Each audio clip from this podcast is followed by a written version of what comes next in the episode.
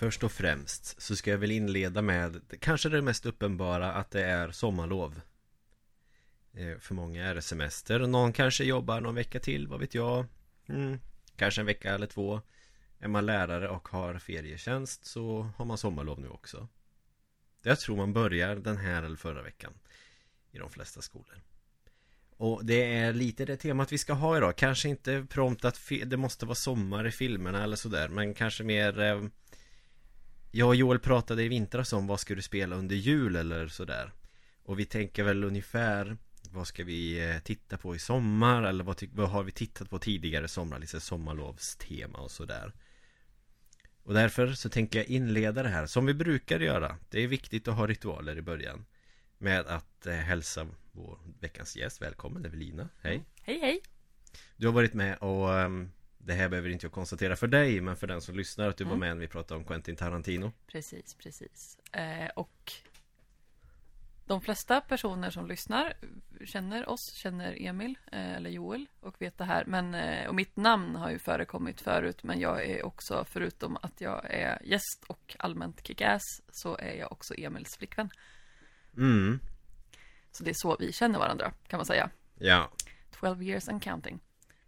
Och det är... Men det är inte därför du är med faktiskt. Nej, det är det inte. Jag vill bara poängtera det. Utan Evelina högg ganska snabbt och visade intresse. Ja, ah, men jag vill vara med. Ja, absolut. Precis. Jag gillar att prata om film. Och detta är inte bara för de här äh, veckorna som Joel är borta Det gäller alltid Man får hela tiden höra av sig om man är intresserad av att vara med Det tycker jag bara är kul och det tycker Joel också är kul Jag kan tala från dem Så Evelina, då ställer jag den här frågan till dig Ja Vad har du spelat och eller tittat på det senaste? Som du vill? Eh, jag spelar ju inte Nej. Jag spelar Super Nintendo ibland eh, Så jag har inte spelat något eh, Däremot så Det jag är inne i just nu Jag har haft En vår präglad av Sopranos Mm. Inte klar med Sopranos. Eh, tog ett break från Sopranos för över en månad sedan. Mm. Ska plocka upp den bollen snart igen. Eh, annars har det varit mycket Sopranos. Men just nu är det American Horror Story. Säsong 5. Ah, och jag är okay. så old school så jag följer den på tv för den sänds på nian på söndagar. Och du har inget internet? Jag har inget internet och det hänger också jättemycket ihop med vad som händer väldigt mycket just nu. Mm. Eh, vilket också är att eh, Emil har ju internet och vi började igår med att se fjärde säsongen av Orange is the new black som släpptes förra veckan. Ja. Och jag tänker inte åka härifrån förrän vi är klar med den. Ni förstår hur jobbigt jag har det. Ja, denna fantastiska serie som vi ska prata mer om sen. Ja, exakt. Absolut. Eh, kan du berätta mer, hur mycket har du sett av Sopranos än så länge? Jag är på säsong 6, i början på säsong 6 och den säsongen är delad i två. Mm. Så jag har nog sett eh, sex avsnitt kanske. Eh, tills jag tog ett break. Eh, men snart klar. Mm. Jävla bra serie. Eh, det som är intressant med, nu blir jag carried away. Det som är intressant med den och även, jag såg eh, Six Feet Under också sån här serie som är så här ansedd att vara bland de bästa någonsin. Ja men precis för det HBO-serie. Det, det, jag, jag, kanske ska flika in med, mm. med, med den eh, frågan. Sen får du gärna vara jättemycket carried away. Det är mm. det den här podden går ut på, att mm. man ska bli det. Mm. Att de här Six Feet Under också då kanske mm. Ansedd som typ det bästa mm, Precis Med, eh, vad har vi mer? The Wire och ja, Sopranos och så vidare, ja Ja, exakt och det är, alla är ju HBO-serier och de gör ju väldigt bra serier. Och eh, det som jag tycker är väldigt intressant med både Six Feet Under och Sopranos är tempot. Mm. Kan man säga. Det är mer det jag har tänkt på. Att de hade de gjorts idag hade tempot varit annorlunda. De är gjorda för typ, vad blir det, början på 2000-talet. Eh, ja, Sopranos började 15, nog 16 år sedan. Precis, Sopranos började väl sändas slut på 90 tror jag, nu kanske jag har fel. Eh, men tempot är liksom annorlunda jämfört med Det produceras ju så vansinnigt mycket serier nu. Och serie är ju nästan den nya film. Eller är väl typ den nya film. Ja för du har ju också möjligheten att sträckkolla Det kanske man, de har ju haft tidigare också i och med Pirate Bay och så vidare. Mm. Men nu är, finns det ju ändå legitima tjänster för det här Precis, och grejen med, förutom Sopranos, är ju tempot. Det är intressant att det inte är så intensivt. Trots att det är en maffiaserie. Mm. Vilket också gör det, inte realistiskt, men ändå realistiskt. Eh, och sen att det är så vansinnigt häftigt persongalleri. Det är ju en sån karaktärsdriven serie. Som Six Feet Under, som The Wire, som väldigt många andra. Även Orange, när vi kommer tillbaka dit. Att det är såna fantastiska karaktärer och välskrivet och den här fantastiska twisten på något sätt att grundförutsättningen är ju att, ja, det är en maffiafamilj. Men han går i terapi. För han, har haft ett, han får panik, maffiabossen får panikångestattacker och svimmar och måste gå i terapi. Och beter sig så jävla märkligt. Och, nej, fantastiskt. Jag skäms lite över att jag inte har sett Sopranos förrän nu. Men eh, du behöver inte göra det för att eh, jag brukar ju ganska ofta göra uttalanden om att jag tittar väldigt eh, lite på saker överhuvudtaget. Så att det gör ingenting. Yes, och sen, vad ska jag säga mer? American Horror Story nummer fem. Inte jätte-amazed. Faktiskt. Okej, för vet jag och Joel pratade ju om andra säsongen för några Mm. veckor sedan och den är ju superbra. Den och första är mina favoriter. Mm, men det kan jag hålla med om. Femman är, nja. Men det är också den enda jag inte har sträck eh, sett. Mm. Lady Gaga är med och hon är ju skithäftig. Och sen, nu minns jag inte skådisens namn, men han som var grannen, grannkillen i eh, American Beauty. är ju med också, han är ju cool. Eh, men eh, Lady Gaga är ju bäst, tror jag. I den här serien. Vad handlar det om bara kort liksom? vet? handlar om Hotel Cortez i Los Angeles. Och alla dessa människor som bor där. Och spöktwisten i den här säsongen är vampyrer. Och Lady Gaga är The Countess. Och som bor på det här hotellet och som är liksom huvudvampyren, tror jag det är tanken att hon ska vara. Okej.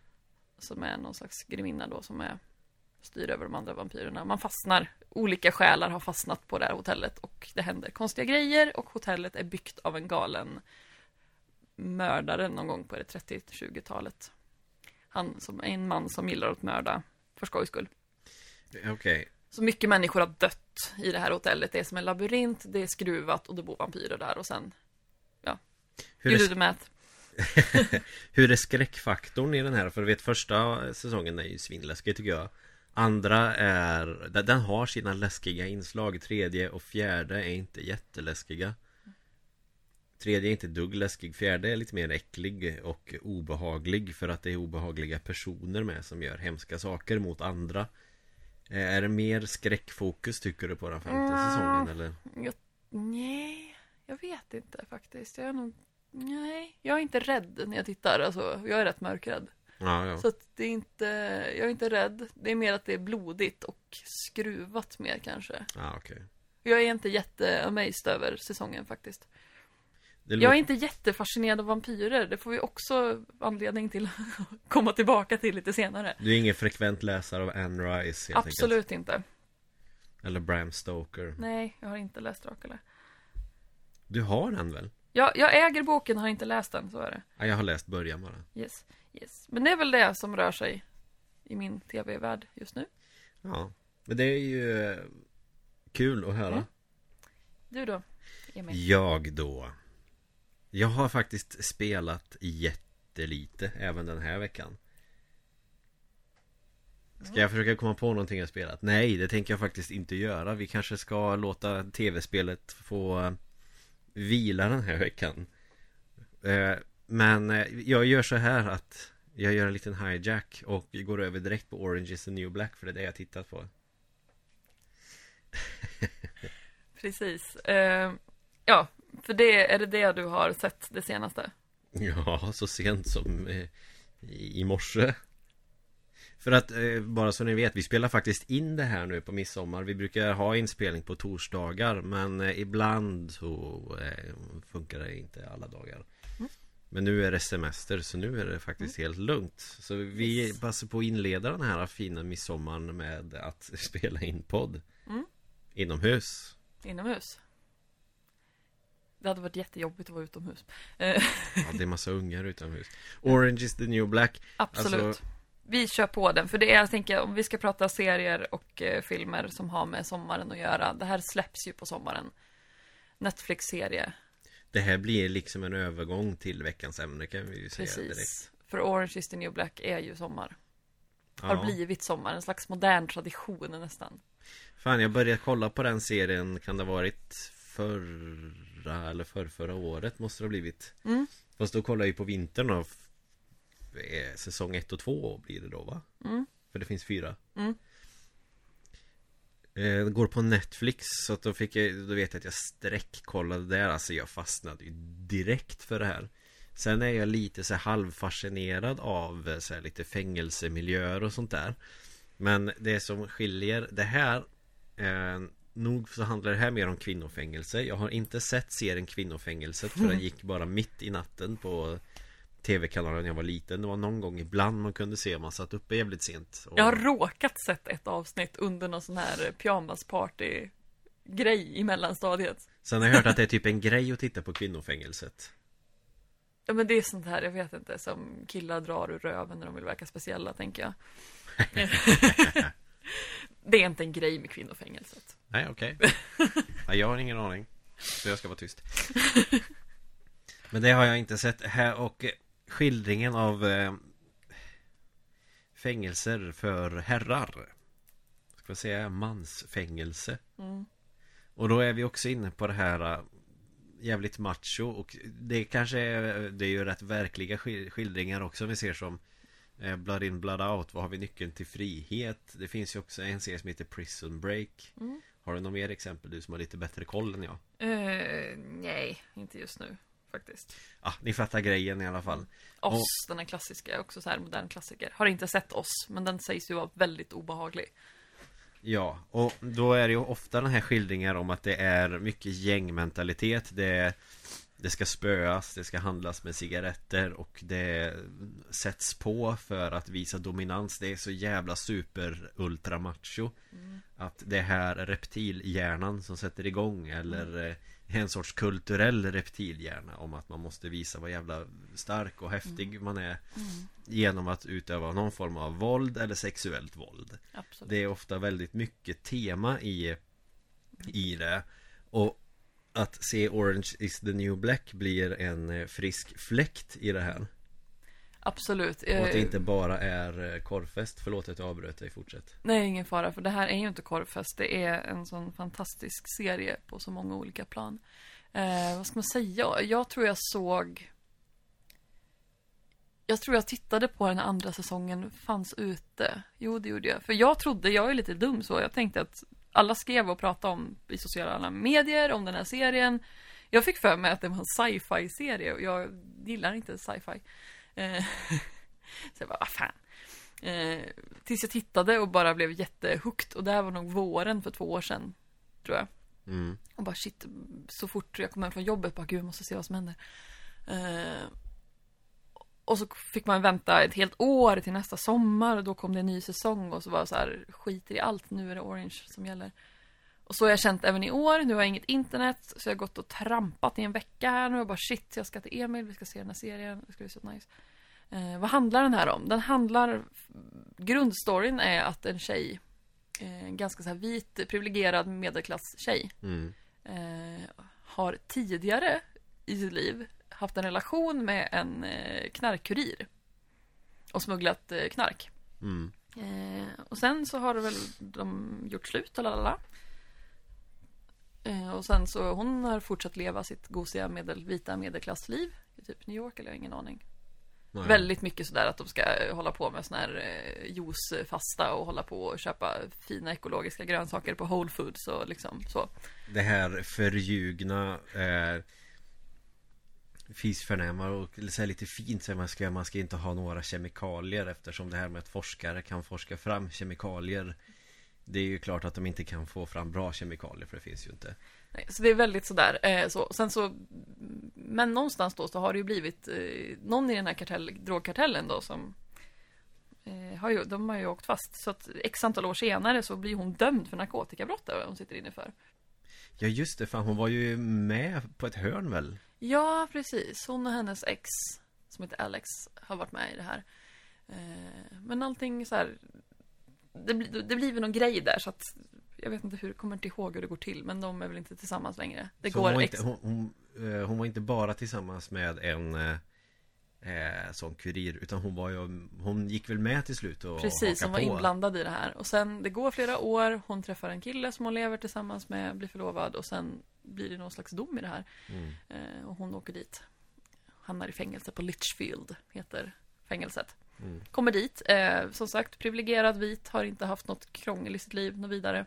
Mer än så här skruvade föräldrar, lite så här, hennes bror vill vara lite så här, bo i skogen och så här, känna sig Han är lite bohemisk vill vara bohe- bohemisk liksom så här, oh jag ska bo i skogen och vara så speciell. Så här, skruvade föräldrar men inte så mycket mer. Nej. Hamnar i den här på det här fängelset och där finns ju alla typer av människor. Ja hur hon då försöker liksom foga sig i det här sammanhanget. Och sen även, det här är ju en väldigt karaktärsbaserad serie. För man får följa historier om Mm. alla fångar. Vad som har hänt tidigare för att få lite förståelse över vilka de är och vad de sitter inne för. Eh, Det finns en sån fantastisk, eh, vad säger man? Representation av personer i Mm. den här serien.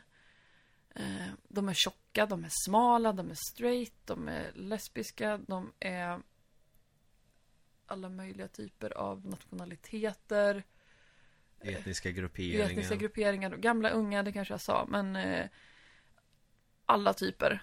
Och alla får liksom plats i den här serien. Och det som är så fantastiskt i den här serien är ju att eh, det här är en sån serie som nästan alla, man kan prata mycket om det här, men nästan alla serier hänger ju på att det är män som gör saker tillsammans med andra män.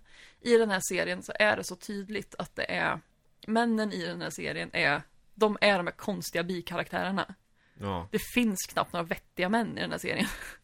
Och de är märkliga bikaraktärer. De är det som kvinnor ofta brukar vara. Och det är också en del som jag ser som en frisk fläkt Mm. Och det behöver man ju inte vara tokfeministisk för Utan jag tänker mer också att det är ganska skönt att få se mer av andra saker än det här Same old, same old Och eh, kommer tillbaka lite på det här vad jag tänker på när man ser andra sådana här fängelseskildringar att Mm. Det är de här etiska grupperingarna som startar gäng För det finns inget annat sätt att skilja sig liksom Eller att hitta likheter utan man får gå på hudfärg Vilket bara det är ju helt jävla sjukt Och i den här serien kan man ändå prata om att de pratar tillsammans om så här, det här är ju sjukt, men så här gör vi. Ja Lite så. Men det här är också lite snällare, det är inte sådär högsäkerhetsgrejer och det är inte Nej. så mycket våld Precis. och Även om det är ganska många grupperingar som håller sig till varann så är det ju å andra sidan Inte så att man åker på stryk om man är, går till eh, någon annan eller sådär utan Nej. Sen är det klart att det finns viss form av Det är ganska mycket psykisk misshandel som kommer in och så här Eller att de lurar varandra eller blåser varandra Men det är aldrig såna här jättehemska saker Ja, vad ska vi säga om typen det av framgår, genre? Det händer Ja. ju men eh, det, det, det här det, det låter ju så jävla taffligt att säga att det är snällare Men det är eh, Jävligt tycker- kul att få vara med Ja, vad ska jag säga om genren? Dramedy, säger man ju. Det är en dramakomedi. Så den är ju sjukt rolig inemellan. Ja precis Eh, och samtidigt så är det ju drama. Det är ju ändå, det här är personer som sitter i fängelse. Vissa utav de här, eller alla har ju sin historia. Det är det också som är lite grejen. Alla har sin historia. Alla har varit med om någonting. De är ju inte på den här platsen utan anledning. mm. Och de är olika klassbakgrunder, saker har hänt. Ingenting kanske är det man tror att det är. Nej Man kan tänka att eh, man kan se på en person var de kommer ifrån. Det kan man inte, för de har en massa olika typer av bakgrund man inte kan gissa sig till. En annan sak som dyker upp nu som är så viktigt eh, i den här serien är ju såklart också systerskapet är ju så starkt. mm. På tal om den här machokulturerna, det är ganska, det är ju en del gangsta-grejer i den här också. Ja ja ja Men inte det samtidigt, det bygger så mycket på att mm, kvinnor håller, i vissa fall så håller kvinnor ihop. Man håller ihop med sin då fängelsefamilj liksom. mm. Och det är systerskap samtidigt som att du kan inte lita på någon för du i slutändan är du alltid ensam. Mm. Du kan bli ditsatt av någon. Det finns massa, jag tänker man tänker sån här, eh, vad heter det? Det är ordet jag letade efter förut. Representation. Mm. En annan serie som är duktig på det också är ju Glee. Som plockar in lite så här att nu har vi en av den här sorten, en av den här, en av den. Eh, Orange är också så skön för de kan ta i så många olika ämnen. De har en massa olika typer av personer med olika bakgrund, olika förutsättningar och det finns eh, sexuellt våld tar man upp, man tar upp rasism, man tar upp så klass, det finns så mycket nivåer i den här serien som gör att den är så jävla bra och samtidigt så förbannat rolig. Och det jag också tycker om väldigt mycket det är att det känns heller inte som en typiskt Som ett typiskt taffligt försök till att vara politiskt korrekt Heller Nej! Utan det känns ju eh, genuint Kanske för att eh, Det här är ju en bok från början Mm. eh, Som har skrivits av, vad heter hon? Piper Kernan heter hon typ något sånt Mm. där eh, Och huvudkaraktären heter Piper Chapman Och det är alltså baserat på Piper Kernan själv som har suttit på ett sånt fängelse Är det inte så? Mm, precis. Och så har de skrivit en bok om det här Men eh, den här serien eh, tar- Får ett eget liv sen och går ifrån boken mer och mer Mm, Så precis. att det, det blir en helt ny grej Det första andra säsongen som bygger på boken tror jag. Och sen Ja. har man ju såklart förstått att det här blev en sån megasuccé. Eh, att man fortsätter skriva och att de andra, alltså alla, det är så många karaktärer men att Mm. många, man får se mer och mer av karaktärernas historier och att de, det är små öar som utvecklar sig själva. Ja, det finns ingen given huvudperson till slut För att det är ganska mycket Nej. fokus på eh, Piper Chapman först Mm. eh, Och eh, redan nu i fjärde säsongen Hon är ju inte med så jättemycket Hon känns ju mer som en bikaraktär själv Mm. Som man eh, får se utifrån Istället för att man får liksom leva sig in i henne som karaktär Man får Mm. titta lite utanför och då tänker man fan hon är ju lite Hon är ju ganska dum i huvudet Ja, Stundtals när hon får, när hon får ett storhetsvansinne och såna grejer för att hon har gjort lite grejer precis. Utan att spoila för mycket Och sen är det de här som har varit roliga bikaraktärer Jag tänker speciellt på de här latinamerikanska tjejerna som säger lite skojiga saker eller Mm. Som är, är rätt goofy emellanåt Mm. Men då får man mer fokus på dem, de får mer plats Mm. Precis. Och även, ja jag vet inte vad jag ska säga om det. För det är så många, och även personer, det är väldigt många som är väldigt roliga. Det är också kul att man som kvinna kan vara kul på riktigt. mm. Och även att det är så nattsvart ibland också. Att även om den roligaste karaktären, sen man får reda på att den personen haft fruktansvärd bakgrund. Jag tänker i andra säsongen tror jag väl. Det finns en karaktär som kallas Pensataki. Som är rätt bisarr liksom karaktär. Ja, ja Och ja, det är också väldigt roligt när man får se vad hon sitter inne för. Eller roligt och roligt, men det är så här, lite otippat. Eh, och sen, men i tredje säsongen, utan att spoila, så får man verkligen se om hennes uppväxt och vad hon har varit med om, vad hon utsatts för. Och det är så, även om man tycker att hon är märklig, lite läskig och väldigt kul. Och en sån Tidigare. här karaktär som, är, som man älskar att hata och sen Mm. Fortsätt Ja, och sen bara tycker jag att man får se verkligen, på tal om att våga ta i svåra ämnen, att verkligen, fy fan vilket liv den här personen har haft och hon har varit Ja. utsatt för. Och då får man en förståelse för det och Man ångrar sig nästan lite Ja, att man suttit där säsong två och bara fy fan vad hon är otäck. mm. Och det är många andra, jag tänker även när karaktären Crazy Eyes, eller Susanne, Mm. som också först bara är märklig fast sen ändå är så förbannat skön. Mm. Och är galen, men god, fin, speciell. eh, Och inte heller är där man tror att hon är. Man också får se hennes bakgrund. Var hon Ja. kommer ifrån, som inte alls är vad man tror. Och hur hon har utvecklat någon form av eh, Genialisk street smarthet Mm. inne i fängelset också Absolut, hon är så jäkla häftig. Alltså det, det är jättemånga karaktärer och det är jättemycket karaktärsutveckling Vilket gör att den blir intressant hela vägen Nu har vi pratat länge om det här, men alltså jag tänker Det att det finns ju modern klassiker, jag tänker en modern eh, sommartradition. Man går och längtar efter att den här början på juni så kommer det släppas en ny säsong. Man Ja. väntar ett år på att man måste veta vad som händer sen. Ja, när jag började på min semester förra året så sträckkollade jag hela säsong 3 och det är väl det vi kommer göra med säsong 4 nu också Mm. Så det blir en bra inledning på eh, semestern Första veckan brukar jag alltid avsätta för total dekadens Om vi då ska gå vidare mer till eh, vad vi tänker idag. Vi har pratat om spel som vi återkommer till Yes. varje gång. Så det blir väl lite en blandning av filmer vi alltid kommer tillbaka till och som vi då kanske förknippar med sommarledighet eller med sommarlov eller semester eller sådär. Yes. Eller allmänt somriga filmer. Funkar precis lika bra. Det är det som är så skönt med att ha en podd. Man får bestämma själv hur upplägget är. Precis. Sen kan folk komma med synpunkter. Det är också jättebra. Absolut. Eh, vad tänkte om det här? Jag satt och tänkte lite på... Jag, eftersom jag då tycker att den här podden är väldigt, väldigt kul, så har jag lyssnat mycket. Eh, och nu är Joel inte här, så då tänker jag... Du vet, att han kan lyssna i Jag vet att han efterhand. kan lyssna i efterhand och jag vet att han gillar ju Sällskapsresan. Eh, Men... Men det gör inte jag. Så jag tänkte på tal om somrigt. Både när de är på charter och när de är ute i skärgården och håller på. Mm. Det är ju somrigt. Och Ja, jag, har, det det jag har ju också tittat på de här filmerna på sommaren. Och när jag var liten tyckte jag att det här var jätteroligt. För att man vet att det ska vara roligt. Ja, Man begriper ju egentligen inte ett skit av skämten eftersom jag var aldrig på charterresor på 70-talet. Jag fanns inte ens då. nej, men det spelar ingen roll. Och även den här SOS när de seglar, är det Mm. väl? Eh, Den har jag ju sett massa gånger och tyckt var så jävla rolig. Och hon som har Karra och allt det där. Men alltså, nej. Jag, nu tittar tillbaka så jag avskyr de här filmerna. Så jag bara så här, så här disclaimer, bara, vi, vi kommer inte prata mer om, eller vi, jag kommer inte prata mer om Sällskapsresan. Det är somrigt och käckt och det är nostalgiskt och det är inte bra. Jag får helt enkelt be Joel och vi borde nästan ha såna här lite mer svenska komedier för han har en liten fäbless för dem. Eh, Och hans återberättelser av de här tycker jag är roligare än vad filmerna är. Men det är ju för att ro, Joel är ju rolig. Det Ja. är inte de här filmerna. Han kan få göra egna varianter, tänker jag. av de här. Eh, ja.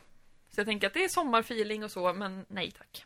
Nej, så att vi kör inte på något här traditionellt eh, skit som eh, Jag är inte så jätteförtjust i Sällskapsresan heller Jag kan titta på dem av nostalgiska skäl Men det får vara med ganska långa mellanrum och Jag vet inte, jag såg Hälsoresan om ett eller två år sedan Den var verkligen fruktansvärt dålig Mm. Men också där lite grann mjölka ur pengar ur ett koncept som redan finns, tänker Ja. jag. Den kom ju rätt sent. Lasse Åberg var gammal redan då. Eh, ja. Han är svingammal Han är jättegammal. Och det är inget fel på att vara gammal. Han är, Nej. Men han är bättre på att designa saker och eh, göra musik för barn. Ja, Stick det kan it. jag hålla med Hans Musse Pigg-tavlor är intressanta Eh, vad ska jag säga mer om? Ja, men vi pratade lite grann innan om så här, somrig film som vi båda gillar däremot. Det är Mm. ju eh, eh, Den bästa sommaren. Mm Det är ju en fantastisk film. Eh, Kjell Bergqvist. Sur begravningsentreprenör på 50-talet är det va? Ja I Molkom. För det är Ulf Malmros som gjort den här. Ulf Mycket- Malmros gör eh, jävligt trevlig svensk film Absolut.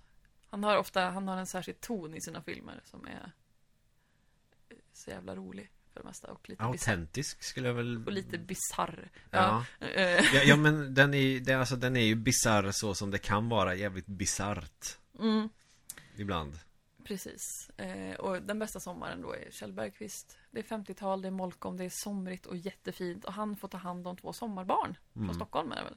mm. Ska komma och bo hos honom för de kan inte bo hemma. Eh, lite så här. Socialtjänsten har placerat Den det är- dåvarande socialtjänsten då har placerat för att de inte kan vara hemma för att det är trasigt. Två barn oberoende av varandra också De har ingen Precis. tidigare relation De Precis. är bara två stycken som har placerats på samma ställe Precis, och nu hade jag varit smart om jag vetat vad de heter. Jag vet att den ena vet hur han ser ut och den andra är en av Rebecca och Fiona. Men jag minns inte vem. Ja precis den här DJ-grejen Ja, precis. vilken, vilken eh, karriär Precis, ja. En av så här, eller typ Sverige, en av Sveriges största DJ-grupper. Eh, precis. Och han den här killen som jag nu inte minns. Han har ett grekiskt namn. Eh, Det är ju det, är- det är egentligen skitsamma Filmen är i alla fall eh, Det är en sån här feelgood film lite Ja. grann Den här sura begravningsentreprenören som får de här två barnen. Eh, och han är så, det är ett jättekul manus och Kjell Bergqvist får ju verkligen så här gå bananas med det här på något sätt och vara liksom butter. Det finns en så klassisk scen när han, ute, han försöker roa dem liksom. mm. Eh, Och han kör över ett gupp ute på vägen och lite så här, han, han liksom Klassisk Han är, but, han är butter som fan och liksom vill ju inte erkänna att han tycker ju själv att det här är jättekul. Men det kan jag ju inte säga för han ska ju vara så seriös och sammanbiten. Eh, och han är ju väldigt ensam också. Känslomässigt stympad man Ja, känslomässigt stympad man som är ute och kör bil med de här barnen och så ska han köra över ett gupp och tycker ju då att det här är kul. Eh, och backar då tillbaka och sen så ska de göra det en gång till då för ja, det är bara för barnens skull. Ingen annan anledning. Passa på att ha roligt nu Nej, precis. Då säger han att de ska passa på att ha roligt när de kör över det här guppet för man vet aldrig när det blir roligt nästa gång. Eh, den, Och den repliken gestaltar ju så jävla mycket av det här Gubbe Ja, och de ska göra de här bålrullningarna, morgongymnastik och allt vad det är liksom. Och eh, de inte stannar i växten. Och det är väldigt så här, det ska vara så korrekt. Kvasivetenskapligt Ja. enligt den tiden misstänker jag Absolut. Eh, nu vet inte jag, undrar om det är det här som heter, det, som är den här linggymnastiken. Kanske det de gör, jag minns inte. Eh, men det händer mycket grejer och såklart så hur butter och tvär och stympad känslomässigt man än är och hur ensam man än är så uppstår ju såklart någon form av tycke liksom att mm. den här sura, buttra, ensamma mannen tyck, han smälter ju till slut inför de här barnen. Och de tycker så mycket om honom också. Mm. Och de är med om grejer och han tinar ju upp liksom. Och det är ju en fantastiskt fin historia. Och även Ja. när då de ska väl åka hem tror jag väl. Så blir det någon grej om det här att de vill ju stanna kvar hos honom. Mm. Och även att de här barnen, de känner ju inte varandra. Hur deras relation, att de finner varandra i att Mm. de båda två är ensamma och utsatta. Och att det blir liksom fint för dem att komma ut på landet tillsammans Mm. med den här farbrorn. Komma från storstan liksom och ut på landet också Det är lite så kanske det som kolloverksamheterna försöker jobba med Att de har telefonfri liksom eh, vet Ja. det, det här kanske skulle tas upp igen eller kanske finns nu också Komma från storstan och sen åka ut någon gård ute i Värmland Ja, det finns nog säkert. Nu har ni en affärsidé här att starta på Eller så finns den redan och så Eller så finns det här redan. Men det är ju, ja. Fantastiskt fin sommarfeelingsfilm. mm. Och Och det är ju verkligen så här, eh, vad heter det, nästan så här nationalromantiskt, eh, alltså det är ju så här, det är ängar och det är liksom blommor och det är fint väder och det är gröna gräsmattor, röda stugor. Lite så här Värmlandsporr, lite landsbygdsporr liksom. Att bara titta här på idyllen. Det är ju verkligen så. Så här ska det vara idag också Så nu när det är så mycket datorer Alltid detta jävla tjafs om datorer om att det är det farligaste som har gjorts Precis, på den här tiden Och vad dåligt dator. internet är Internet är världens bästa uppfinning, punkt slut Punkt slut. Annars hade ni inte kunnat lyssna på oss nu till exempel om inte det vore för internet Precis. Det blir ett sidospår Eh, Jag tänker också på andra filmer som eh, Som också känns som, alltså jag och Joel har ju pratat om Sunes jul tidigare Vi kan eventuellt ha pratat om Sunes sommar Ja. Du sitter och klappar händerna här Nästan av tyst glädje. tyst, tyst för dig själv Och det här känns ju ändå, vi har ju pratat mycket om Päron till farsa Vi har, vi har pratat mycket om eh, Pappa Rudolf ganska mycket också Men Oh. det känns ju som att man kan inte riktigt eh, Utelämna den här filmen i ett sånt här gud, samtal Även om vi har pratat mycket om den tidigare. Ja, Vi gör det igen. Ja, alltså det här är ju också bland de roligaste svenska filmerna som finns, Sune Sommar. Den, den är, det, det är sån hög klass på så många sätt och vis. Och igenkänningsfaktorn för oss som är uppvuxna på 90-talet är Mm. ju skyhög. Absolut, även om jag har bara kampat eh, en gång i mitt liv. Ja, jag har Det gjort det jättemånga gånger. Typ 93, 94 kanske, för min lillebror var inte född. Eh, men ja, men bara, och sen tänker jag att som barn och uppvuxna på 90-talet med Sunes jul som julkalender, Sune-böckerna. mm. Det här är ju en karaktär som har följt med i uppväxten. Och att just det var en sån grej när Sune Sommar, när filmen kom, att det här, även när man var barn så var ju det här det här roligaste. Ja, Och Robert Gustafsson är med och det var ju typ bland de roligaste personerna man visste när man var barn. och detta var ju innan Nile City och de här Han gjorde några sketcher och sådär Men Nile, eller kom Nile City ungefär i samma veva Oh, som eh, Det är ju under tiden, tänker jag, att han var med i Killinggänget. Jag minns jag har inte år nu. Men ja, men, men för oss För som var barn barn då så... så- förknippar man ju kanske Robert Gustafsson mer med den här eh, Roliga, skojiga Robert som var med i Björnes magasin Absolut, och andra såna här tramsiga såna här sketcher och sånt. Så att han var ju jätterolig och sen Mm. att han skrek nej för i helvete och grejer. Det var ju jätteroligt. Och jag känner igen mig så jäkla mycket i det här, du vet när eh, Familjen i Sune är ganska, eh, alla känner väl igen sig på ett eller annat sätt med sin Ja. egen familj alltså, ja, Jag skulle kanske inte jämföra min pappa med eh, Rudolf Men alltså Mm. jag kan hitta båda mina föräldrar i just Rudolf ja, och Karin också Mm. I det här stressade att tiden ska hållas, det ska vara enligt plan och det är sånt jävla hysteriskt. Det tänker jag på min mamma, ursäkta om jag säger det men eh, Så blir det.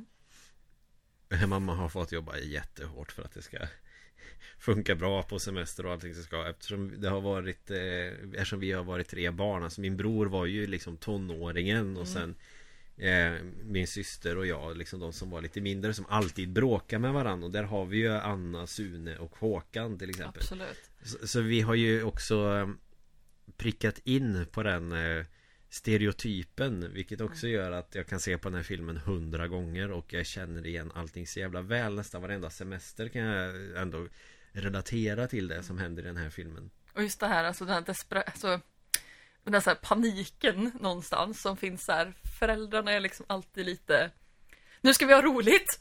Ja, Vi ska ha jättekul! Den där panik, alltså stressat och liksom det är paniskt och just det här bara, det måste bli så bra. mm. Nu ska vi ha roligt, passa, just, återigen, passa på att ha roligt. Medan vi kan. Eh, och nu ska vi ha kul, vi får inte vara osams. Eh, och det är sånt, ja, det är liksom kaoset som ändå finns i det här. Man vill upprätthålla någon form av norm av en perfekt familjesemester Precis, i tanken så är ju allt så jävla bra. Och Fast- sen Men det- gör folk inte som man vill och så blir det kaos. Och det är ändå de eh, lite oturliga och eh, knasiga sakerna som man kommer ihåg semesterna för. Och det är väl kanske det som man vill säga med den filmen också att det är det som gör att man kommer ihåg det. Eh, Och det som gör det kul. Och det som var kul, jag tänker att nu är vi uppvuxna med den här filmen såklart, men att Mm. det finns, den, den är så rolig på så många nivåer. Att det som var, det var jättekul när man var liten, folk blev överkörda av fyrhjulingar och folk cyklade vält med sin cykel in i saker. Eh, Ja vi får ju de här slapstick grejerna. ja, och det var, och sen när man är äldre och ser andra grejer och andra nivåer i det här som är så fruktansvärt roligt. Mm.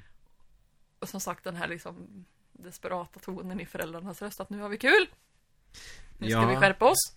Exakt Jag och Joel har ju pratat om det här också Men att det, det, här, det här funkar för båda ba- Barnen kan ju eh, Ändå känna igen sig i Sune, Håkan och Anna I Mm. deras liksom upplevelser av den här semestern Men man följer alla karaktärerna ganska bra Och eh, vuxna har ändå kunnat eh, känna igen sig i Rudolf och Karin i Mm. allt det här Absolut. Och sen, ja, det finns många nivåer på den här. Och sen att den är idyllisk, det är fint och gosigt väder. De är på en camping, de är på en strand. Det är inte så jätteglamoröst men det är Det är trevligt trevligt och det är så här man, som man tänker. Och sen att det inte Det- behöver vara så glamoröst och perfekt Den här, Nej. till exempel den här rika tjejen då som Mm. Sune blir kär i Mm. Hon eh, har väl det till synes perfekta livet och den perfekta hu- Ja, husvagnssemestern det. Mm. Men hon är ganska ensam och har, verkar vara rätt så uttråkad Och Sune har den så att säga inte så perfekta att det kantas av ganska mycket Mm. problem. Rudolf bryter foten och det är ena skitgrejen efter den andra Fast de ser ju i alla fall ut att ha det jävligt kul Mm. Mitt i allting. Och alla de här också. Det är ju så många klassiska scener. Vi har till exempel det här om chokladbollarna. Mm. När han ska hämta kaffe. Chokladbollscenen tycker jag inte är kul per se Anledningen till att jag tycker att den är kul Mm.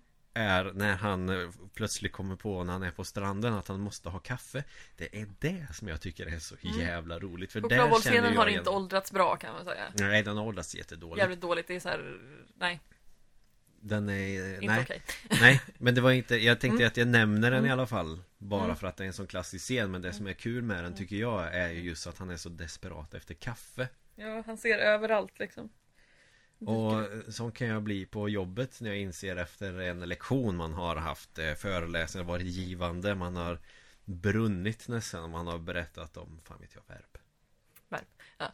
eh, Det kan bli kul och sen så inser man Jävlar, jag måste ha kaffe mm, Och man blir nästan helt förvirrad av att man inte har fått kaffe ja. Och hur han då får vanföreställningar om att alla dricker kaffe men inte han ja, absolut. Och det är så, ja, många grejer i det här. Många päron till farsa grejer också Mm. Absolut. Men ja, Sune Sommar.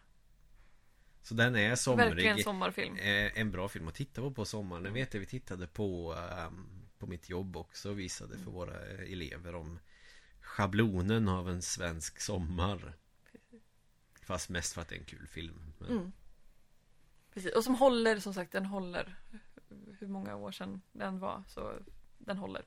Ja, det är ju inte så mycket fokus på teknologi då eller, någon, eller sådana där grejer utan det är själva semestergrejen och det kan jag tänka är idag Speciellt idag med det här att det ska, allting ska se så bra ut utåt Mm. Att det ska vara så perfekt allting Det är där, det man får i de här sociala medierna En förljugen Perfekt Man visar bara den bästa sidan av allting hela tiden Mm. Och det är då man ändå, ändå måste inse att mm, Folk skiter ner sig ändå någon gång Absolut. Har, gör de det inte nu så kommer de att göra. Yes. Vad har vi mer? Alltså jag tänker också Vad man tittar mycket på när man hade sommarlov och när man var ledig och sånt vi, Mm. Idag är det ju Orange is the new black och sen så har vi lite typiska sommarfilmer Har du någon film som du tänker du förknippar mycket med sommar eller som du tycker är somrig? Jag vet inte. Det är, det, precis nu så får jag hjärnsläpp. Så jag, ja, jag hade ju för några år sedan så, så vet jag inte om det är så mycket förknippat med sommaren. Men för några år sedan så eh, bodde jag hos min mormor och morfar på sommaren. För jag eh, sommarjobbade i den staden de bor. Och eh, hade med min dator. Och då lånade jag väldigt mycket film på både biblioteket och i en sån här filmlåningsautomat som fanns i affären. Och detta var även på internettiden Ja, absolut. Det här är inte, jag hade inget internet. Men du kör old school även idag Du Ja. hyr och lånar och Absolut. Allt från DVD-boxar till Mm. filmer Absolut. Så jag tycker ju så här hemmakväll är lite sisådär. Men bibliotek, jag älskar bibliotek generellt. Och text-tv bättre än internet också Nej, men text-tv är bra. Eh, jag älskar bibliotek och att det finns, det är olika ställen. Eh, I Järfälla där jag jobbar så är det gratis att låna film. I Solna där jag bor kostar det pengar. Eh, i, mm, i Marknadsekonomi Eh, det kan man då förstå. Eh, I Åmål, som jag var då när jag lånade film hos mormor och morfar. Då kostade det också pengar, 20 spänn per film tror jag. mm. Men ändå, då plöjde jag igenom en del och jag tänker vilka jag såg. Kanske inget som jag förknippar så mycket med sommar, men ändå Ta någon som du tyckte var exceptionellt, Exceptionellt bra eller jävla bra, eller, ex- absolut. eller exceptionellt dålig excep- vi kan, exceptionellt dålig kan vi prata om sen. Ja det kan För vi den göra. såg vi tillsammans. Mm. Eh, men exceptionellt bra. Filmer jag såg under de här somrarna var bland annat Brokeback Mountain. Inte somrig film, men en fantastisk film. mm. Eh, om, på tal om machokulturer och män. Två män som blir tillsammans eller som är kära och har en kärleksrelation. Fast de yttre omständigheterna gör att de inte kan ha den här. Det är två macho-cowboys och det är Heath Ledger och eh, Jake Gyllenhaal. Som får tet, så att säga, uppe på berget. Och så får man följa deras kärlekshistoria som är så, eh, vad säger man, heartbreaking Ja och fantastisk och det är ju en helt underbar film. mm. Och jag skulle verkligen vilja se om den nu, tänker jag när jag pratar om den. Den såg jag bland annat. Eh, annan fantastisk film jag plöjde då var Svinalängorna. Mm. Som är baserad på en fantastisk bok av Susanna Alakoski. Och sen då är Pernilla August, August, hur man nu säger hennes namn. Vi, vi, vi säger August August, Pernilla August. Hennes eh, film. Som jag ville basera på den här, som jag också såg. Och eh, grät en hel del när jag såg, för den var så fin. Tittar du bara på såna här gråtfilmer? Ja, det var mycket gråtfilm. Jag är ju sån, jag tycker om att se vissa filmer själv. Sommar, trevlig stämning, då ska vi gråta till film Absolut, för jag är ju så här, är det jobbiga filmer vill jag titta på det själv och då blir det här liksom, jag ska sommarjobba, jag sitter i min mammas gamla flickrum med datorn på magen och eh, plöjer gråtfilmer. mm. Jag såg även på tal om eh, gråtfilm, eh, I taket lyser stjärnorna. Mm. Som också är en gråtfilm av rang som handlar om en tjej som är 13 som förlorar sin mamma i cancer baserat på en jättefin bok.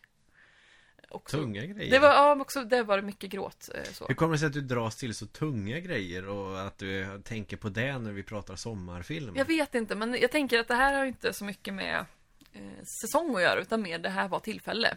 Ja men det Just att jag har ingenting. så här, vissa jobbiga filmer vill jag se själv och Mm. då när man ska göra den här känslomässiga avloppsrensningen, att det ska ut, mm. eh, så tittar jag hellre på sånt här själv. Till exempel, Mm. jag ska upp och sommarjobba imorgon och har lånat lite film och då kör vi det här när jag är ensam. På tal om sommarfilm och Så det har, det har nästan en sorts terapeutisk eh, funktion Ibland. Och sen är det ju för att jag faktiskt, jag vill ju faktiskt se de här. Ja det är ju intresse och det, det förstår jag ju Sen tänker jag på tal om sommarfilm och gråta att den här, eh, men den var faktiskt jävligt bra på andra sätt, är ju också att eh, den här, vad heter den? Ja den, The Fault in Our Stars, heter den så? det är möjligt Mm, och nu har jag helt glömt bort vad den heter på svenska. Eh, den här filmen som handlar om två ungdomar som träffas i en eh, grupp för cancersjuka. mm, Ja just det, den gick på bio för något år sedan Precis, den gick på sommaren. Och det var ju också en gråtfest utan dess like. Men det är också en fantastiskt smart och rolig och kul film. mm. Den är kul när den är kul och sorglig när den är sorglig. För det förstår man ju själv att upplägget om det är två cancersjuka ungdomar som träffar varann så förstår man ju vart det barkar så att säga. Ja, ja, ja. Utan att spoila något. Någon lär ju dö, så kan man säga. Någon lär ju dö nej, men det kan ju vara någon av deras kompisar som dör, we don't know. Den Nej, var nej, nej. jättebra.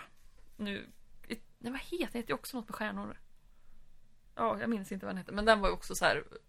Jag minns att det var, där, det var 2014, det var så jävla sån här varm och klibbig sommar. mm, Ja det var det Och jag gick på bio själv för jag tänkte den här ska jag se och jag pallar inte ha sällskap med den här för här kommer det ju gråtas förstår man ju från början. Jag får inte vara med Emil fick inte följa med. Men jag gillar inte sådana filmer Nej, alls så att jag åkte in till filmstaden Sergel på Hötorget och knatade in i den här salen och det var så här bisarrt för något tillfälle i filmen så var det någon som skrattade till inne i biosalongen. För det var så bisarrt att man sitter liksom 40 pers som inte känner varann. Eh, I, en mörk, I ett mörkt rum och alla sitter och snyftar. mm. Att så fort det blev tyst på skärmen så bara Så hör man liksom i mörkret på massa, alltså från alla platser i rummet så sitter de bara Det skulle jag inte palla med Ja men det var, ja, det var intressant. Och så hör man någon som liksom fnissar till och då börjar alla andra fnissa liksom att, liksom att alla känner den här bisarra stämningen. Varför? Vet, framgick det varför den här personen började garva? Jag tänker att det är liksom det här att här sitter vi och snyftar i mörkret. Ja, ja, ja Att det var verkligen så. Det kändes så. Men sen, Man hittar varann i sorgen ja men typ över fiktiva karaktärer. och just där att här sitter vi i mörker, vi ser inte ens varandra. Nej Men vi såhär Nej men det är faktiskt en jävla bra film. Eh, ändå. mm. Inte bara att åh, det är sorgligt så, utan det är smart manus också återigen, smarta huvudkaraktärer, de är roliga, de är charmiga. Nu minns jag inte vad, är det afasi och filthy som dyker upp? Ison och Phil, nej. Ison och Fille dyker upp Kan- Shirley... Nej, alltså på riktigt, de åker, de träffar en person som är jävligt märklig i den här filmen. Som vill lyssna på Boom Falleralla, säger han. Det är alltså Boom Falleralla, det är en låt med typ Ah. Afasi och Filthy, en svensk hiphopgrupp, tror jag det, eller om det är skitsamma. Så han vill lyssna på svensk hiphop. Och den här personen förstår ju inte vad som sägs, men han tycker att det är skitbra låt. Så det var Ja. lite komiskt. Play Boom Falleralla. Yes. Är det inte någon annan de sjunger så? Bomfaderallan Lej eller något sånt Jo där? men det är någon sån här, eh, vilken är det? Apropå midsommar nu Ja, när jo, sjunger midsommar. en massa töntiga låtar och dansar runt en stor Absolut. kuk Ja, absolut. Kåkakack. Eh, ja, Grodorna utan svans och så vidare yes. Vi hade ett samtal på jobbet om det igår om vad jävla sjuk grej egentligen Mm. Om man det, det är ju så när man undervisar i svenska för människor som inte har svenska som modersmål att eh, det finns vissa samhälleliga aspekter man pratar om så att säga som kommer upp eller som Mm. frågor och hur man ändå förklarar midsommar att man firar att det är en gammal eh, hednisk tradition som man firar den Mm. ljusaste dagen på året Precis som på vintern så har man också en sån tradition då man firar midvinter Vi har midsom- midsommar, midvinter Mm. eh, Midvinter och blot Just Mm. då Sen har vi midsommar och eh, ja, vad har vi mer? Nej, det är typ det Och eh, midvinter förstår man ju Att eh, det är fest, det är offer när det blir blot och, och sådär Midsommar Och då har vi ju så här att vi reser upp då den här fallosymbolen Om man nu ska tolka det så Och så sjunger man om kråkor som ska åka lådbil. Lådbil och lådbil, ja. Ja, vi säger lådbil. säger lådbil. Det blir, det blir eh, Någon form av fordon ska den i alla fall Lådbil. Tra transporteras. grodor som man måste konstatera att de inte har öron eller svans. Nej, det, är ju, det finns ju svans, svansgrodor liksom. De får inte vara med. Och, och- och just att man också sjunger lite om grisar i en annan vers för att de råkar ha både öron och svans. Precis, det är viktigt att skilja. Även jag gillar den här eh, som handlar om ett band som vill bara konstatera att de är band och vad de kan spela. Så Mm. att de är musikanter från Skaraborg. Ja, Och vilka låtar de kan och de kan, ja. Den det är bas, fiol och flöjt. Precis. Nej, basfiol är det ju och flöjt. Och fioli och lej. Aha, basfiol ja. Jag har ju då En gått kontrabas helt en enkelt. kontrabas. Eh, Jag har ju då vid ett tillfälle i mitt liv gått på folkhögskola Mm. i Skaraborg. eh, Där den här låten Tiaholm. Tidaholm. Eh, hej alla er i Tidaholm som lyssnar. Eh, eh, jo, och då hade vi ett gäng, jag tror tre elever i min klass som inte var från Sverige. Mm. Och just vad roligt de hade åt de här låtarna och just den här, vi är musikanter från Skaraborg. Och den här förvirringen liksom någonstans. Vi som var svenskar satt och tittade på och ville inte dansa för vi tyckte det var för trams. Men de bara hakar på. Eh, och liksom lite så här förvirrat bara, varför gör vi det här? Och sen, ja ja, men och tittar sig omkring och alla lärare är ju med och dansar och tar det här Mm. på jättestort allvar. Och är väldigt engagerade och de här eleverna tittar sig omkring, särskilt en som var lite äldre. Bara, vad fan håller vi på med? Men ja, ja. Om de gör så gör väl jag. Typ det här med basfiol och flöjt. och vi kan dansa andra hållet. Det är så lite rätt Det är bisarrt. där Bomfaderalla kommer. Nu jävlar. Bomfallerallalej, så är det. Det är musikanterna man sjunger Bomfaderalla. Ja, Kolla vilket, precis. vilket detektivarbete vi har gjort här nu Allt när vi pratar om här. film. Allt hänger ihop. Precis, och just det här, ja men ändå så här, det den här liksom, vad säger man, puzzled look på liksom i deras ansikten. Vad i helvete håller vi på med och varför gör vi det här? När vi skuttar runt och låtsas spela liksom så här, luftinstrument liksom. Bara, Nej Mm. men så här gör man. Jag bara, varför då? Nej men vi gör så. Det är en gammal tradition Så här gör vi eh, alltid. har fallit i glömska. Eller i alla fall, eh, nej, nej. Nej. Jag är ingen historiker, jag ska inte säga att bakgrunden har gjort det. Olika danslekar, det har man ju liksom alltid sysslat med. Ja, det ja. finns överallt, så även inte bara i Sverige. Men det är sånt man gör för att roa sig innan internet fanns. Nu ser vi på Orange is the new black istället. Eh, Ja, precis. Först var det Fio ligger i Bomfaderalla, nu är det Orange is the new black och porrsurfing. Porrsurf, är- absolut. Eh, Men jag tänker på tal om sommarfilm och filmer jag såg under de här somrarna. Jag plöjde mycket film eh, på sommaren och det är ju att du och jag såg en film Mm, den vad- sommaren. Vad fan är det? Sex år sedan nu eller Och det är någonting? länge sedan. Det var en av de här dagarna det regnade lite grann också, lite skuttigt väder. Vi skulle Mm. se en film ihop och som så här film man inte ska se. Är då, vi såg Twilight. Ja, för det var ju så, det, det, den serien var ju fortfarande aktuell då Absolut. Det var sånt jävla snack om att det var så himla bra allting, det var så häftigt och det var eh, det, det blev koligt med vampyrfilm så att det var när folk bara Ja men jag gillar vampyrfilmer, det är så jävla bra Det var ju lite obs- obskyrt och credit liksom när jag var yngre Ja, för att på de här tal om det här att jag inte gillar vampyrer liksom. Ja, coola gotarkids som är extremt självupptagna som ändå gör en grej av att de tittar på vampyrfilm Mm. Sen kommer Twilight och alla de här jävla tv-serierna det? Vampire Diarrhea och True Blood och True Blood följde jag faktiskt ett tag, fram till fjärde säsongen. Den var bra när den var bra. Nej det är skit, det är ren skit Nej! Okej, Knullas mycket True Blood. ja, Dricks blod och knullas mycket. okej fine Men så Twilight känns som att eh, gjorde det här kommersiellt och tråkigt Precis som att alla tjatar om zombie-apokalyps nu Att det är Mm. Så här gör du för att överleva en zombie-apokalyps Alla tjatar om att överleva zombie-apokalyps Och det är zombiefilmer Det är hela tiden zombie-apokalyps-skiten har överlevt ännu längre än Ja. vampyr-tjosan Och samtidigt bara, det finns inga zombies. Jag säger inte så Folk som har skrivit Som har doktorerat i det kanske blir sura då Förlåt. Jag gillar zombie-apokalyps jag, jag tycker om att spela sådana spel För att jag tycker om våld Jag tycker det är äckligt med kroppsdelar, så jag Men- gillar inte sånt. Eh, Men vi gav Twilight en chans i alla fall Absolut, för vi... jag hade ändå hört någonstans att den första filmen skulle vara så här schysst ungdomsfilm. För jag, jag tycker ju om alltså, populärkulturs runkeri, det är kul. mm. Och jag gillar, jag tycker att det är viktigt med, på tal om den här The Fault in Our Stars, att, som är baserad på en bok. Eh, alltså så här, bra ungdomslitteratur, bra ungdomsfilm. Det finns ju så jävla mycket som är bra. Jag Mm. tycker sånt är viktigt. Och just det här att Twilight skulle vara en schysst ungdomsfilm. Mm. Men det var det inte. Den var skitdålig. Ja, jag kan väl säga alltså Kort så vill jag ha en och en halv timme av mitt liv tillbaka. Absolut. Det var så mycket trams i den här. Alltså när jag såg filmen, jag har inte läst böckerna, men alltså flera gånger i filmen så undrar jag om antingen de hade råkat klippa bort väsentliga delar av handlingen, eller om att när de läs spelade in så försvann vissa delar av manuset. För att det var så tomt.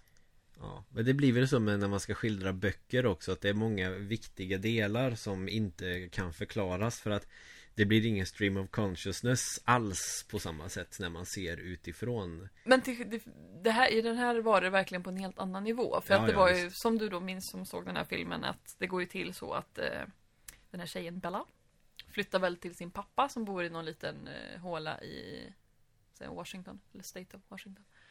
Eh, och träffar en kille som är lite märklig. Mm. Han är ett as. Och hon är ju lite outsider och han är Precis, lite han är ny. outsider. Precis, han är lite ny. Han är ett as, beter sig konstigt. Hon träffar, alltså det är så konstiga grejer. Men just där hur hon får reda på att han är vampyr. Det är så här, han är lite kall. Han äter ingenting. Sen är det något mer han gör. Han är, jag vet inte, förföljer, inte. Han räddar ju henne från att bli påkörd av en bil också. Ja, just det, på något dramatiskt vis. Och hon bara, du är vampyr? Han bara, ja. Ja, hon, hon, hon gör ju typ goggel på hon det. googlar bara, folk som inte Fan. äter, är starka och eh, kalla. Vad är det? Vampyr? Ja, och så bara, du är vampyr? Ja. Mm. Titta på mig, jag glittrar. Om vi har sex så kommer jag döda dig. Så, Va? Ja men what? Så att det är inte så att vi vampyrer dör om vi är i solen, det är för att vi glittrar. Alltså men vad fan är det här? Men så trams. Och sen att han, det är ju så, så här kyskt och konstigt och det är så märkligt. Och sen, jag har råkat sett en del av, jag kommer inte ihåg så mycket från första filmen. Jag har förträngt att det här har hänt. Jag har sett lite av tvåan. Det är så mycket så här nakna överkroppar, helt så här omotiverad nakenhet och bara skuttar omkring och spänner bröstmuskler och bara, but why? Nej, det här, fan. Nej, jag, jag tyckte den var Alltså rent dramaturgiskt piss Ja, verkligen. Det var stora hål i berättelsen. Det är så här, jag är ett as, nu ska jag förfölja dig. Jag är kär i dig, okej. Och det, det blir ingen Det byggs upp jävligt dåligt. Alltså det börjar väl ganska intressant med att hon är jävligt själv utsatt och eh, kanske inte känner att hon passar in. Märker att det är en till som är där. Fine, det köper jag ju liksom. Och sen Mm. ska det här byggas upp och till ett eh, Någon form av klimax och sen så um, tonar det ut och så vidare. Men här alltså det, det är bara utdraget skit Och det blir sådana hopp helt plötsligt så vet hon ingenting och känner ingenting Sen helt plötsligt vet hon att han är vampyr De är tillsammans hux flux och sen eh, Ska de slåss med något, eh, nå- några rivaliserande vampyrer som är typ elaka Som inte vill vara med i samhället på samma sätt och sen bara ja. Ja, bisarra. Det var bisarrt. Nej, så sommarfilm man har sett som man inte rekommenderar är ju Twilight. Ja, nej Men vi tänkte, man får väl pr- prata om det som är eh, Sämre också Och även om det var en pissdålig film så är det också ganska kul omständighe- omständigheterna kring det här att Det var Man brukar säga filmkväll Det ska vara så jävla romantiskt. Och jag, vi, jag är ingen romantisk person Nej, för fem heller. öre. Att eh, om man nu ska vara så här trevligt Titta på film, Netflixen, chill, bla bla bla bla bla bla det, det var, det var grått. Och vi, vi knudde i en eh, säng och kollade på en skitdålig film på en dator Mm, Total misär ja, Men kul så är det i efterhand ändå precis. Jag säger som du. En och en halv timme av mitt liv. Som jag vill ha tillbaka. Vi hade kunnat spela Super Mario Det hade vi absolut kunnat gjort. Hellre det än alltså, Super Mario alla dagar i veckan före Twilight. Du skulle till och med kunna tänka dig att spela ett spel som är släppt efter 1995 Kanske. Kanske Don't Twilight. Det är väl det jag vill säga. Eh, Nej, min rekommendation är att eh, undvika den Som om det vore eh, magsjuka Eller låter matförgiftning Låter klokt. Tänker på andra såna här sommarfilmer. Nu tänkte jag på såna jag har plöjt och så vidare. Har du någon sån här sommarfilm som du har som tradition att du tittar på varje sommar, typ sådär? Eller så filmer du alltid kommer tillbaks till och sådär? Jag vet inte, för jag tänker, jag är ju en sån som kan se om filmer. Ja det är jag också. Jag, jag ser filmer och spel på ungefär samma sätt som en musikskiva. Jag har ju inga problem med att uppleva det flera gånger än en. För mig beror det på vilken det är såklart, men att det är... Fast jag gillar ju att kolla på skitfilm på det sättet. Jag tittade på Kickboxer 2. Alltså bara namnet Kickboxer 2. Jättegenerisk titel men det gick ju hem liksom på 80-talet om man visste att det var Van Damme. Tvåan är ju inte ens Van Damme. Det är någon sån här serieskådis, Sasha Mitchell som var med, och, han var med i Dallas. Eh, och sen är han med i någon annan sån här sitcom som är pissdålig. Så ska han vara någon bror till Van Damme och så, ska, är det typ samma upplägg fast i USA istället för Thailand. Den tyckte jag var skitbra när jag var 12 år. Tittade jättemycket på det sommarlovet.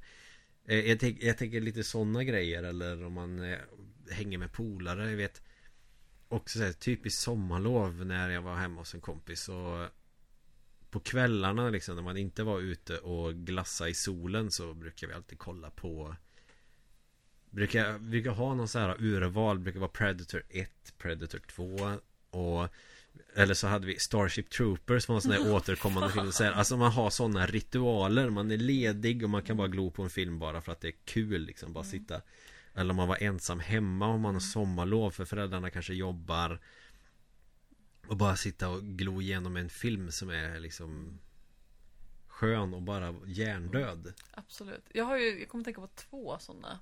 mm. Kanske, nu kommer jag på en till. Gud, nu går min hjärna jättesnabbt.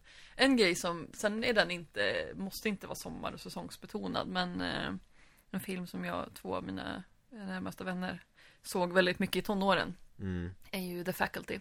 Det är lite sommarfilm för mig Ja, också Ja, för den ta. är nog sommar. Sen är den året runt. Vi har sett den flera gånger. Många gånger när vi sov över. Eh, och vi har sett den flera gånger. Och den, ja, den känns lite sommar. mm. Nu var det några år sedan jag såg den. Men den är ju, ja. Också så här att man är uppvuxen på 90-talet som vi är. Just där att det är Elijah Wood, det är Josh Hartnett, det är hon och nu vet hon Clea Deval, heter hon så?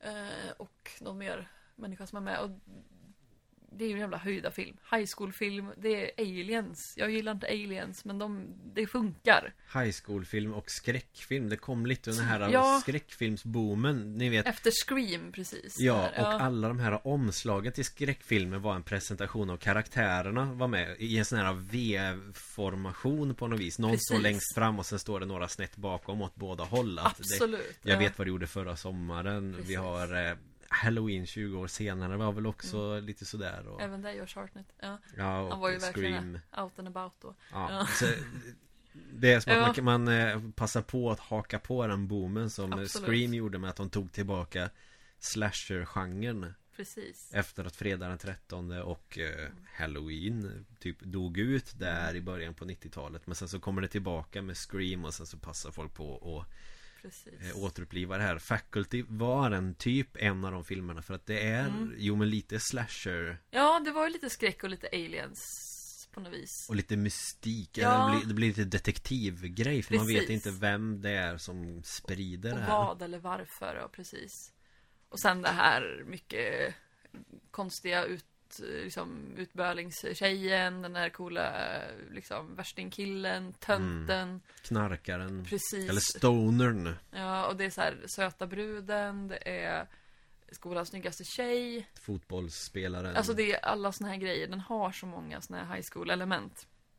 Men med den, den filmen har jag sett mycket. Nu fick jag upp. Och, det, och, så kukar det ur liksom Ja. också Det går från en generisk high school film till att kuka ur till någon eh, eh, Slash, ja, i och för sig Fredag den 13 har ju också de här stereotyperna Mm. Om vi ser till eh, ah, Vad fan Det är alltid någon eh, Snälla killen och sen så har vi den här eh, Goofy eh, killen, den här eh, lite Jag tänker på han i trean som håller på att göra massa practical jokes hela tiden Som är helt besatt av skräckfilm och spela Mm. död liksom hur han låtsas Kasta eller ramla ut från ett eh, skåp med en yxa i huvudet eller vad det är liksom Mm, jag har aldrig sett den så jag vet inte. Nej, och så är det de här mysiga, snälla tjejerna. Och det är mycket, fast det är mycket liksom sex också i fredag den 13 Mm. Men att Och Scream Kopierar det här. Och man ser ju det här i The Faculty också. Fast här på något sätt eh, Blir det ett mishmash som jag inte känner igen i andra typiska liksom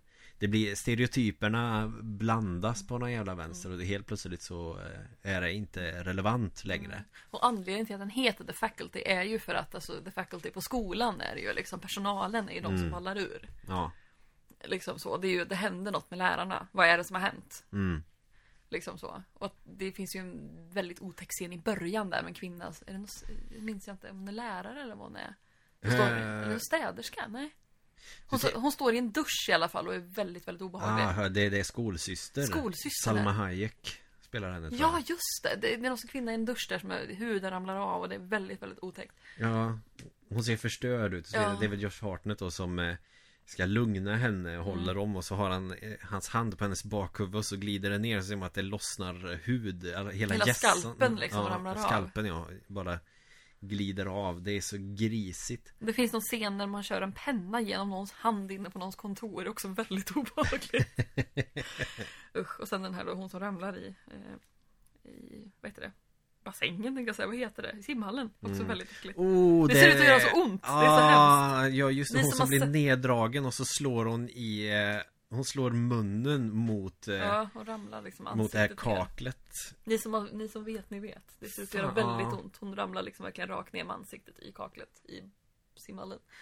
Så det går från först att vara Man fattar ju att det är en skräckfilm Man får, man får de här stereotyperna presenterade för sig Man får Mm. också De onda krafterna som kommer Och sen får vi mer det här äh, Detektivperspektivet på det mer att Mm. De ska försöka lista ut det här Då blir det så zombie-apokalyps och Det är det som jag tycker gör den filmen ganska intressant Som är att den sticker ut från de här andra Som egentligen bara kopierar slasher-temat Mm. och sen att de på något sätt måste bevisa för varandra att de inte har blivit infekterade.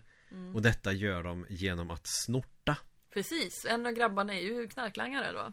Ja. Och han har ju visat sig att om man tar hans droger så kan man klara sig. Så att de måste ju knarka lite för att det ska gå bra typ. Så knark räddar alltså liv.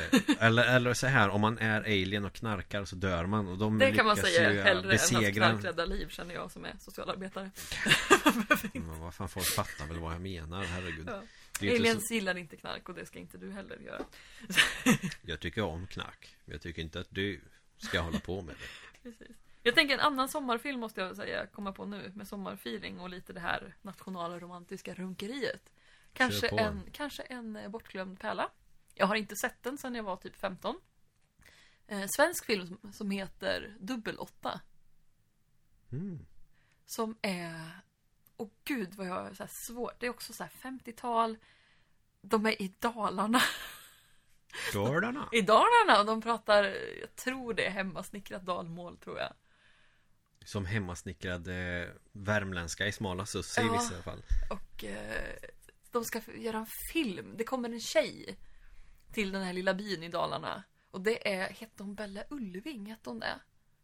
Väldigt så här, söt såpaskådis. Var med i eh, Vänner och fiender. Oh, nu När är det begav sig- ja, när det begav sig- skit. När det begav sig på 90-talet så var hon slutet på 90-talet. Hon spelar en tjej som kommer till den här lilla byn. Eh, det är verkligen så här, hon kliver av bussen och alla stannar upp. Och den här tönten då som heter Anders. Som har glasögon och givetvis han och hans tjej. Som, eller tjej, hans kompis som heter typ Benny eller något. Grejen är så att de vill se honom naken. De vill se henne naken tror jag är grejen.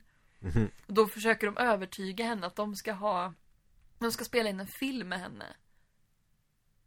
Fan nu börjar jag fatta vad det är för film du pratar om. Den heter Dubbel-8. Det är väl därför. Och, sen, Jag har sett trailer på den men jag har faktiskt inte sett filmen. och den är så här bisarr och de är så nördiga och det är så och det är något raggargäng med och just det här. Skynda dig, snusgubben kommer och tar henne. Och han ska då rädda henne och hon ska bada då och ska ta sig alla kläder och så ska de filma när det händer.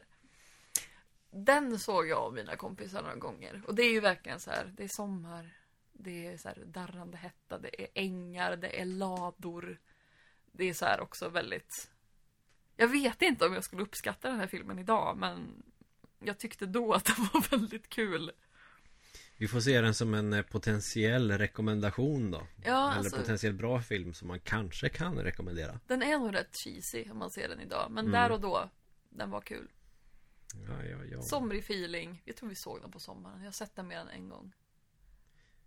Jag tänkte jag ska avrunda snabbt med som jag kom på en eh, En bok som blev film Alltså jag vet inte Mm. vilken som ger bäst sommarfeeling Jag tror faktiskt boken ger bäst sommarfeeling Men filmen är okej också Mm.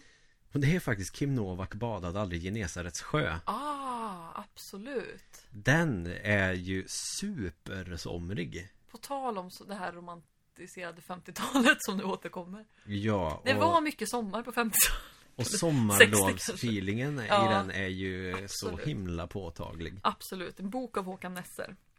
Jättekul. Så- Lite så här uppväxtskildring. Han En är kille. grym på det Håkan Ja, Nesse en Han kille är- som ska bo, eh, han och hans storebror är va? Ja Som ska bo, eh, mamma är sjuk. Är det så? Ja, Mamma är det- cancersjuk. Ja, hon ligger ju på sjukhus och deras pappa jobbar. Precis, så storebrorsan och eh, den här killen ska ha lånat ett hus. Ja, så är storebror ska väl typ ta hand om honom typ eller sådär. Precis. De har inte så jättenära kontakt så, Nej. så att de träffas inte så mycket eftersom hans bror är vuxen. Men då ska de eh, Mm, bo ute i eh, stugan. precis, och ligger vid det här de kallar för Genesarets sjö. Ja. Är det Hjälmaren eller vad är det? Det skulle, jag vet faktiskt inte vart det här utspelar sig. Står det i boken? Om Ja, det är ju i Örebro län där någonstans. Okej, det kan det vara Hjälmaren kanske. För jag vet, han har ju skrivit mycket om eh, Kumla. Ja. Och han är ju därifrån. Men att Eller om det är typ närmare Värmland. Ja, det är ju skitsamma egentligen. Men Och sen den här killen då, huvudpersonen, är ju... är det Möckern sjön heter? Kommer inte ihåg Möckern. Nej, jag kommer inte ihåg jag har, eh, nu, nu blandar jag ihop en jävla massa här Vi ska snart knyta ihop säcken Men jag vill ändå liksom eh, Mm. Reda ut det här på något sätt i alla fall Och den här huvudkaraktären då som är Vad kan han vara i 12-13 års Mm. åldern Har med sig en eh, En kompis, Ja, typ. som inte är kompis de känner, de känner till varann men de Mm. känner inte varann Nej, precis. och, och sen så hur de då bygger upp en kompisrelation Precis, för det är mycket med honom också va? Nu kommer jag inte ihåg. Det är hans pappa är det som alkoholist, är det så? mm, Ja det är någonting sånt Det Ja, är, det är- det är något- trasiga familjeförhållanden och så Precis. hittar de varann i det här Ja, för hans kompis får ju följa med för att det är jobbigt hemma liksom. mm. Han kan inte vara hemma i sommar. Och sen har det ju då blivit så att de har innan skolan slutar så har de ju haft en skitsnygg lärarvikarie. Mm. Och hon dyker upp i det här liksom. Hookar med storebror där och Mm. Det är henne de typ kallar, de tycker hon är lik eh, den här skådisen Kim Novak. Ja Så det är hon de syftar till i titeln. Är det Eva Kaludis hon heter? Hon heter Eva Kaludis, precis. Och hon spelas av Helena af Sandberg.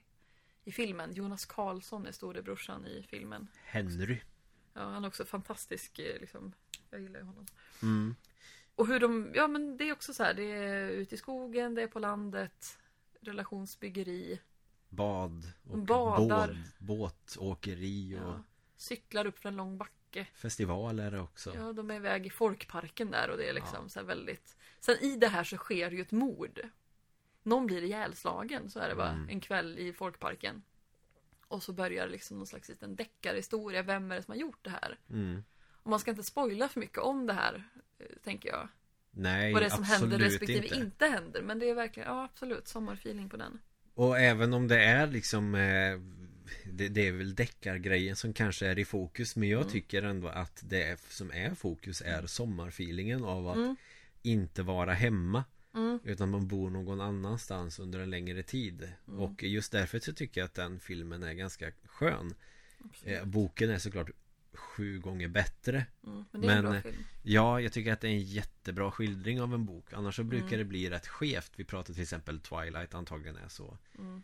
Eh, Och jag tycker också att eh, Låt den rätte komma in blev också så här att man lämnar ute jäkligt Mm. mycket av det som har betydelse i boken i den filmen Precis. Och det förstår man ju också Men de, jag tycker att de får med det som ska vara med från boken Mm. i filmen Kim Novak badar i Nesarets sjö Absolut. Och jag tycker att det skildrar det så som det såg ut i mitt huvud ganska bra Mm. Vilket talar för att Håkan Nessers språk är sjukt bra Mm. Det är ganska bra talspråk om man kan säga så Han och Astrid Lindgren är ju typ bäst i världen på det Sen Mm. får man väl ge August Strindberg cred för det Men nu ska vi inte gå in på sån här svensklärartjafs Men Och absolut. då har det här översatts väldigt bra i filmen Mm.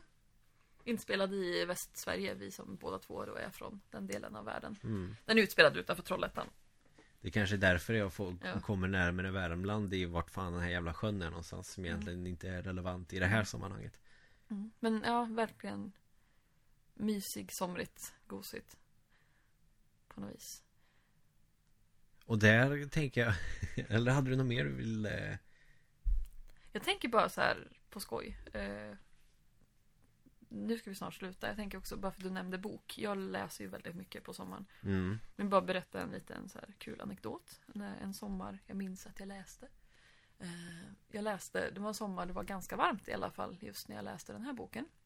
Så läste jag Staden som försvann av Stephen King. På tal om Ah. vampyrböcker. För det här är en vampyrbok som jag faktiskt gillar.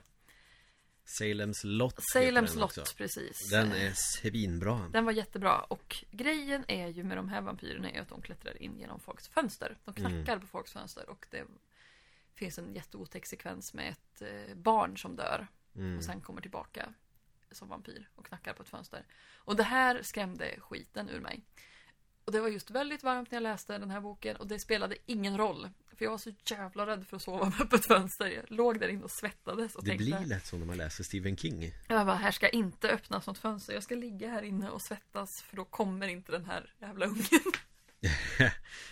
Men det framgår ju också i boken att Mm. en vampyr måste få tillåtelse att komma in för att komma in Precis, Så han viktigt. knackar ju på fönstret för att få komma in så Du hade ju kunnat haft öppet fönster för han hade ju varit tvungen att fråga dig får jag komma in Men Ja, då- det var så jävla rädd ändå så jag ville inte ta någon risk att det skulle komma något eh, spöke och knacka på. Det var, nej. Det är bara Dracula som kan göra det, bara flyga Det spelar ingen roll, jag tar inte den risken. Med vampyrer utanför mitt fönster. Jag kan också säga att mitt barndomshem, för det här var ju när jag var typ 16, alltså det är ju så här ett enplanshus.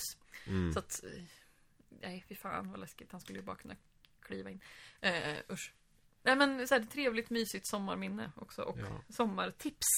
Om du inte är lika rädd som jag så kan man ju läsa Staden som försvann av Stephen King. Om man gillar vampyrer. ja, och då vill jag väl också poängtera Läs den Jag läst den, för det finns en filmatisering, en miniserie med Rob Lowe.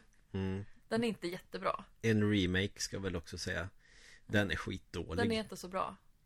Vi har sett den. Jag har inte, såg vi hela? Nej, jag tror inte vi gjorde det. Jag Och tror det jag såg vi banga Ja, och sen, sen är jag lite Stephen King fangirl, som de flesta har varit i sin tonår. Alltså så här, läs böckerna, Ja please. Det finns en Salems lott från 70-talet Mhm. som jag är intresserad av Men då gör jag, jag kan göra så här att jag kan titta på den under sommaren och så kanske jag och Joel pratar om den en gång Du kanske är med då också, vad vet jag? Vi vet ingenting För den har ett omslag som är sjukt lik Opus Eponymous av Ghost Oh. Och jag såg lite bilder från filmen och jag tycker att eh, vampyrerna ser extremt läskiga ut från den eh, filmatiseringen Så den är jag faktiskt nyfiken på Men eh, rekommendationen är att ni läser boken Trots att det här är en film och spelpodcast så kan vi ändå inte utgå ifrån Att det här handlar om det vidgade textbegreppet Så man får ha med böcker ibland också Yes. Eh, ja. Vi ska göra oss klara väl? Ja, vi ska knyta ihop säcken så att säga Så Yes. fint Och eh, vill ni följa oss på Facebook så är det bara att söka på fyrkantiga ögon. Instagram, fyrkantiga nollgon. Det är bara att gå in. Youtube finns också, samma där. Det är bara att gå in och kika läget. Kanske inte blir jättemycket uppdateringar under sommaren Eller så blir det jättemycket. Så vi tackar så mycket för att ni har lyssnat Och Det tack var Evelina för att du var med. jättekul att vara med. Eh, jag hoppas alla har hört vad jag säger. Och sen, det kan vara kul att få en liten replik ifrån Joel nu när jag har dissat Sällskapsresan. Det önskar jag mig i sommarpresent. och sen, passa på när ni, om ni har semester. Se mycket film och läs mycket böcker. Ja precis, ta tillfället i akt nu och när ni är lediga Se på mycket film och spela mycket spel Ja, absolut. Tack så gott. jättemycket. Ha det bra.